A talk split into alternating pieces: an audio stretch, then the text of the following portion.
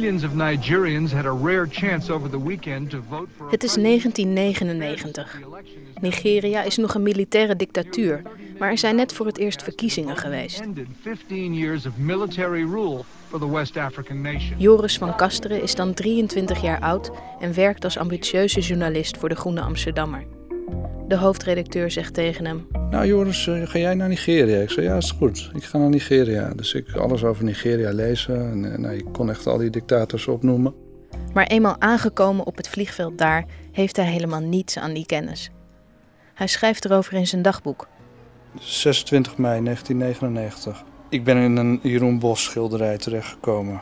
Omgeven door bedelaars die lepra lijken te hebben, kruiers en zakkenrollers, ploegen we ons door de menigte naar een gereedstaande taxi waar het portier uitvalt als ik in wil stappen.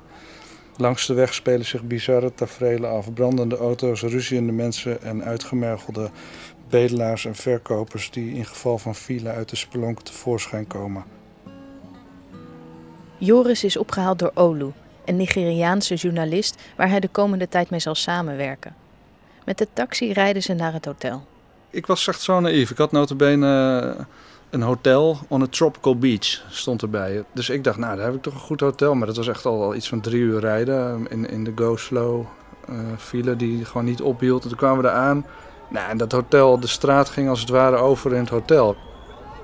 Geen sprake van dat ik daar zou kunnen logeren. Tenminste, die eigenaar wilde het wel. Die schopte een man gewoon een kamer uit. Die lag daar gewoon te pitten.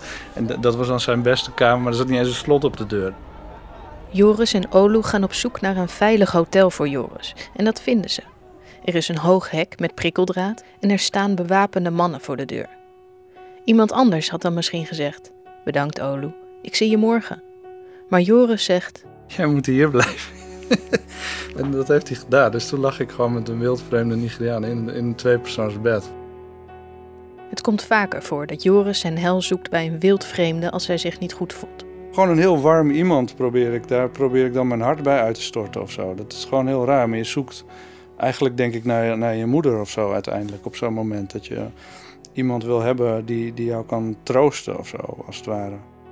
En dat heeft hij niet alleen nodig in de chaos van Nigeria, maar ook als hij met zijn vierjarige dochter op fietsvakantie is in Engeland. Dit schrijft hij in zijn dagboek. We lopen door het museum. Opnieuw doe ik aan iemand mijn verhaal. Ditmaal is het de portier. Ik zie niks van het museum, alleen ouderwetse speelgoed wat mij weemoedig stemt. Het zijn interieurs van lang geleden, Victoriaanse interieurs. Als we buiten komen schijnt de zon. Puffend gaan we door de hitte. Ik hou het niet meer, ik bel mijn moeder. Ik heb weer van die vreselijke heimwee, zeg ik. Je kunt niet tegen veranderingen, dat heb je nooit gekund, zegt mijn moeder. Je mist je vertrouwde omgeving. Joris is niet de enige. Elk jaar worden er zelfs tientallen mensen met heimwee uit het buitenland gerepatrieerd door de ANWB. Ze mankeren lichamelijk niets. Wel durven ze de straat niet meer op. Of ze hebben paniekaanvallen. Het kan gewoon ineens eh, gebeuren en dan, dan, dan zit je erin. Eigenlijk kom je in een soort, soort eh, hoe moet je dat zeggen, een, een bubbel terecht. Een, een soort vlies. En niemand ziet het. Maar zelf ga jij echt kapot van binnen. En je denkt, ja, al, alles kantelt gewoon. Misschien met, met een heel klein percentage of iets dan ook. Maar de hele werkelijkheid wordt, wordt, wordt sinister. En, of gaat eigenlijk door terwijl jij er met één voet buiten staat. Zo moet je het eigenlijk zien. Het- alsof je zeg maar niet meer meedoet. eh, terwijl het toneelstuk gewoon doorgaat. Voel je het ook lichamelijk? Ja, in de zin dat je bijvoorbeeld absoluut niet kan eten. Echt helemaal niet. Je hebt helemaal niks meer nodig. En dan ontstaat er een soort tijdloosheid. En je gaat ook heel erg zitten rekenen. Dat is ook iets. Dan denk je, oké, nu eh, is het eh, deze dag. En eh, wanneer eh, eh, heb ik de kans om terug te zijn? Om, om, weet je, dus je gaat echt de uren, de minuten, alles ga je berekenen. Als klein jongetje had hij er al last van. Op schoolkamp bijvoorbeeld. Ik kon daar echt het hele jaar naar tegenop zien. Ik lag er echt van wakker en dat was echt verschrikkelijk. Al die spullen ook, weet je wat je dan... Dan moest je bijvoorbeeld een slaapzak meenemen. Dat, dat hele woord slaapzak is voor mij nog steeds beladen daardoor. Nee, dat was gewoon pure hel. En toen was er verdomme ook nog een voetbalkamp, weet je. Dat ik twee kampen.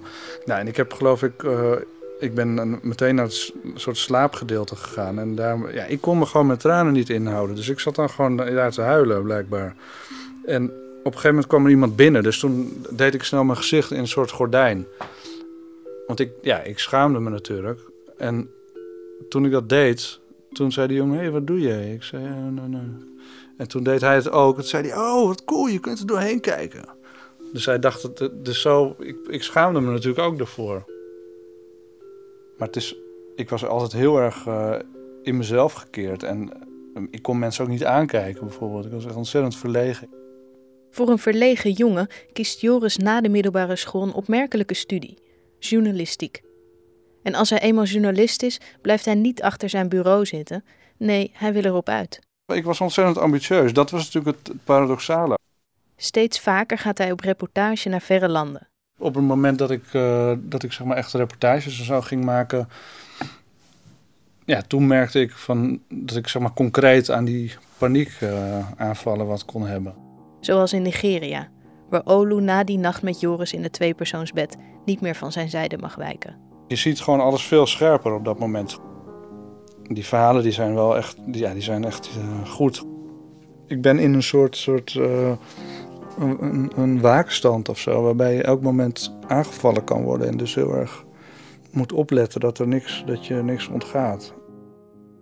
Zijn heimwee is zijn kracht geworden, denkt Joris. Het gaat goed met zijn carrière. Hij blijft reizen, schrijft veel reportages en succesvolle boeken. Maar het schrijven valt hem ook steeds zwaarder. Voor mij was zeg maar, het schrijven van een verhaal als het ware ook dat gevoel weer oproepen. En nou, ik moest zeg maar half doodgaan, uh, want anders zou het verhaal niet goed zijn.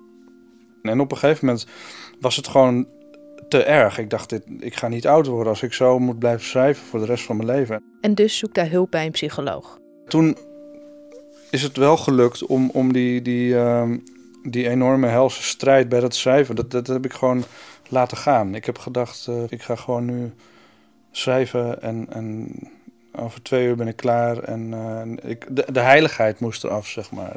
Het moest niet meer een soort kruisdood of iets zijn. Het moest gewoon ook praktisch kunnen. En jawel, het werkte. Het werd eigenlijk alleen maar beter. Dus ik heb gewoon jarenlang met zo'n illusie rondgelopen dat die dat ik inderdaad die paniek nodig had om er een goed verhaal van te maken. Maar dat, dat is natuurlijk onzin. Dus in ieder geval voor het schrijver zelf is, heb ik dat kunnen weglaten. Met de heimwee zelf gaat het ook beter. Hij krijgt medicijnen tegen paniekaanvallen en hij begrijpt nu beter waar de angst vandaan komt. Hij denkt zelfs te weten wat de eerste keer was dat hij heimwee had. Nou, ik denk dat ik dat al gehad heb bij mijn geboorte. Want ik ben meteen uh, uh, in, hoe heet dat, in een, uh, afgevoerd omdat er een soort hartprobleem was. En toen hebben ze mij in een uh, couveuse gelegd. En daar ben ik pas na, wat is het, drie maanden of zo uitgekomen. Dus dan heb je volgens mij al heimwee naar je moeder. En daarnaast heb ik gewoon een vrij... misschien ook daardoor niet een, een, normale band zeg maar, met mijn moeder weer kunnen opbouwen. En daar, daar heeft het zeker ook mee te maken. De psycholoog geeft ook tips over wat hij moet doen als hij weer angstig wordt. Dus wat je dan moet proberen natuurlijk is om, om uh, je daaruit te redeneren. Maar dat is echt heel erg moeilijk. Dat lukt eigenlijk nooit bij mij. Er zijn meer schrijvers met heimwee. Joris herkent zich bijvoorbeeld erg in een verhaal van Reven. Die schrijft over een schoolkamp. Ik had als altijd heimwee en wilde naar huis, maar durfde dat aan niemand te vertellen. Heimwee, zo weten deskundigen nu, berust niet op een te hechte band met de ouders, maar integendeel op een onvoltooide en problematische relatie met hen. Dat kon ik niet weten. En evenmin wist ik toen dat de heimweeleider zijn gehele leven naar het huis blijft zoeken, dat er al lang niet meer is, niet wetend dat wat hij zoekt zijn laatste verblijf is, waarvan prediker 12:5 spreekt. En de rouwklagers staan op straat al te wachten. Joris is nu bezig met een nieuw boek over een fenomeen dat misschien wel het verst bij hem vandaan staat. Het idee alleen al dat je daar dat je dat zou willen, weet je, dat komt mij zo volkomen wezensvreemd voor. Dat, dat zou gewoon de ultieme marteling zijn. Mensen die naar Mars willen. Ook dat je je laat opsluiten in, in een. Ik word al niet goed bijvoorbeeld als ik in een laken gerold zit. Echt de snelste reis, dan ben je nog meer dan zeven maanden onderweg. En dan, Nee, ik, echt. Afgelopen zomer zocht hij een kandidaat op in Rusland. En toevallig had zij eh, op de, zeg maar de week dat ik zou komen, had zij een space camp georganiseerd in de bossen buiten Moskou. Dus ik dacht, ja, dat is bingo, dat is echt supergoed. Toen zat ik dus in de auto en zij had mij opgehaald bij een van de metrostation. En we reden uh, echt drie uur in een file of zo. En uiteindelijk kwamen we er en toen, ja, dat, toen ineens, junk, toen was het daar. En, Hoe merk je dat dan? Wat gebeurt er? Ja, je maag krimpt samen eigenlijk. Je voelt echt, eerst denk ik nee, het kan niet, het kan niet waar zijn, het kan niet. Kom op, stel je niet aan. Dat denk ik de hele tijd, hè? stel je niet aan. Doe even normaal, je bent bijna 40. Kan ik, hier zal ik niet kunnen slapen, denk ik dan. En moet ik hier slapen, kan ik nog weg? Nee, ik kan niet weg. En dan, en dan kan het takken. Terwijl ondertussen denk ik, voor het verhaal is het allemaal goud. In het Spacecamp stuurt hij een appbericht aan zijn ex Janna en zijn kinderen. En dan schrijf ik dus precies om half zes is het dan. Ik heb weer zo'n ellendige angstaanval dat alles stilstaat en ik nooit meer hier vandaan kom en jullie niet meer zie. Ik weet dat het belachelijk is, maar ik voel me totaal kapot van binnen. Nou, dat, dat schreef ik op het moment dat ik erin zat. Probeert ze mij gerust te stellen. Alles is goed hier en je ziet ons beslist over alweer bijna een week. Zo'n paniekaanval is heel vervelend, maar het gaat weer over en het komt allemaal goed. Dat schrijf ik. Ja, dat weet ik ook, maar dan kan het ook weer terugkomen en daar ben ik dan alweer bang voor.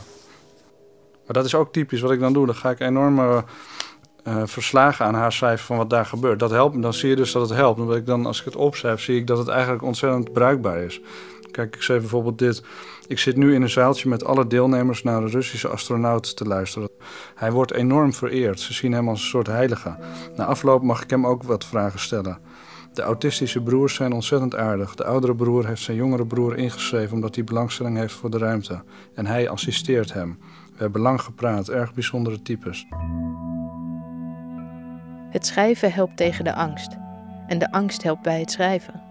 Nog altijd. Het heeft wel de hele te maken met, met een soort uitdaging van mezelf. Dat ik dat, ja, toch die vervreemding als het ware opzoek. Die, die mij uh, compleet onderuit haalt. Maar die me tegelijkertijd ook weer weerbaar maakt op het moment dat ik het, dat ik het later kan opschrijven. Hij is nu een nieuwe reis aan het voorbereiden naar de Verenigde Staten. Ik moet er wel nu het aan denken, want het is wel, het is echt heel, heel ver weg natuurlijk. Het is echt de andere kant van de wereld. En dan moet ik dus de woestijn in. Daar moet ik ook nog naar hele vreemde plekken toe. Ook naar bijvoorbeeld een hele grote krater die daar is en, en een van de rare observatorium. En aan de ene kant heb ik inderdaad heel erg uh, behoefte om, om het weer op te zoeken omdat ik ook weet dat het geweldige verhalen gaat opleveren. Nee, ik heb er nu wel heel veel vertrouwen in. Echt waar. Echt? Echt. ja, dat zeg ik nu.